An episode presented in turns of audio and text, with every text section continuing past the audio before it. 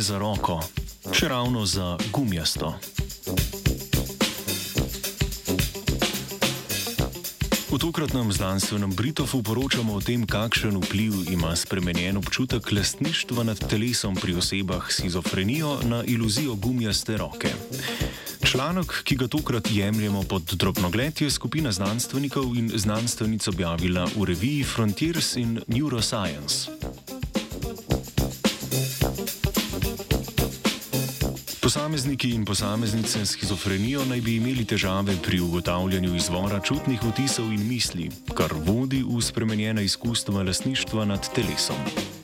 To se nanaša na izkustvo ločevanja svojega telesa od preostalega sveta. Pomembno vlogo pri občutku lasništva nad telesom ima integracija signalov iz različnih čutil v koherentno celoto, kar se v nevroznanosti preučuje s tako imenovano iluzijo gumijaste roke.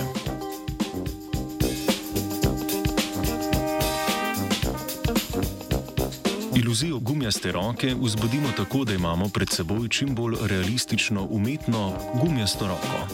Umetna roka je položena tako, da zauzema prostor, kjer bi bila ponavadi naša roka. Ta je medtem zastrta s pregrado, da je ne vidimo. Raziskovalec se na to začne dotikati obeh rok hkrati. Dotika se torej naše roke, ki je ne vidimo, in umetne roke, ki jo imamo pred očmi. Pomembno je, da to počne sinhrono, torej da se dotika enakih točk na obeh rokah sočasno. Po dobri minuti izkusimo iluzijo in sicer dobimo občutek, da je gumijasta roka del našega telesa in da na njej čutimo dotike raziskovalca. Naši možgani začnejo občutke ob dotiku prave roke povezovati z vidno zaznavo in jih združevati v celoto, kar vzbudi občutek, da gumijasta roka pripada nam.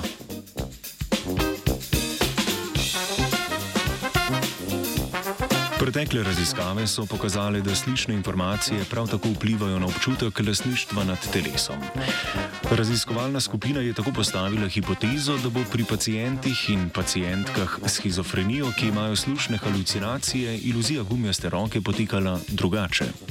V eksperiment so vključili 80 pacijentov s schizofrenijo, od katerih jih je 47 doživljalo slušne halucinacije.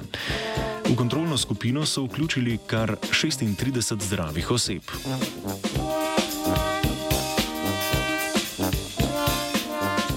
Opazili so, da sta obi skupini pacijentov iluzijo doživljali hitreje in intenzivneje kot zdravi posamezniki in posameznice. To potrjuje vpliv spremenjenega občutka lastništva nad telesom na izkustvo iluzije. V nasprotju s pričakovanji pa so bile razlike med skupinama pacijentov ravno obratne.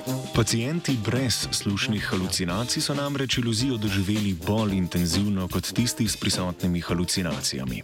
Ena izmed potencialnih razlag je hipoteza, da so pacijenti s slušnimi halucinacijami nasplošno manj odzivni na zunanje dražljaje, kar nakazujejo tudi nekatere pretekle študije.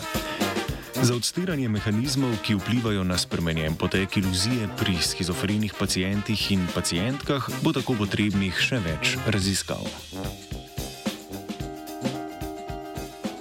O držanju za gumijaste roke je sanjarila Ila.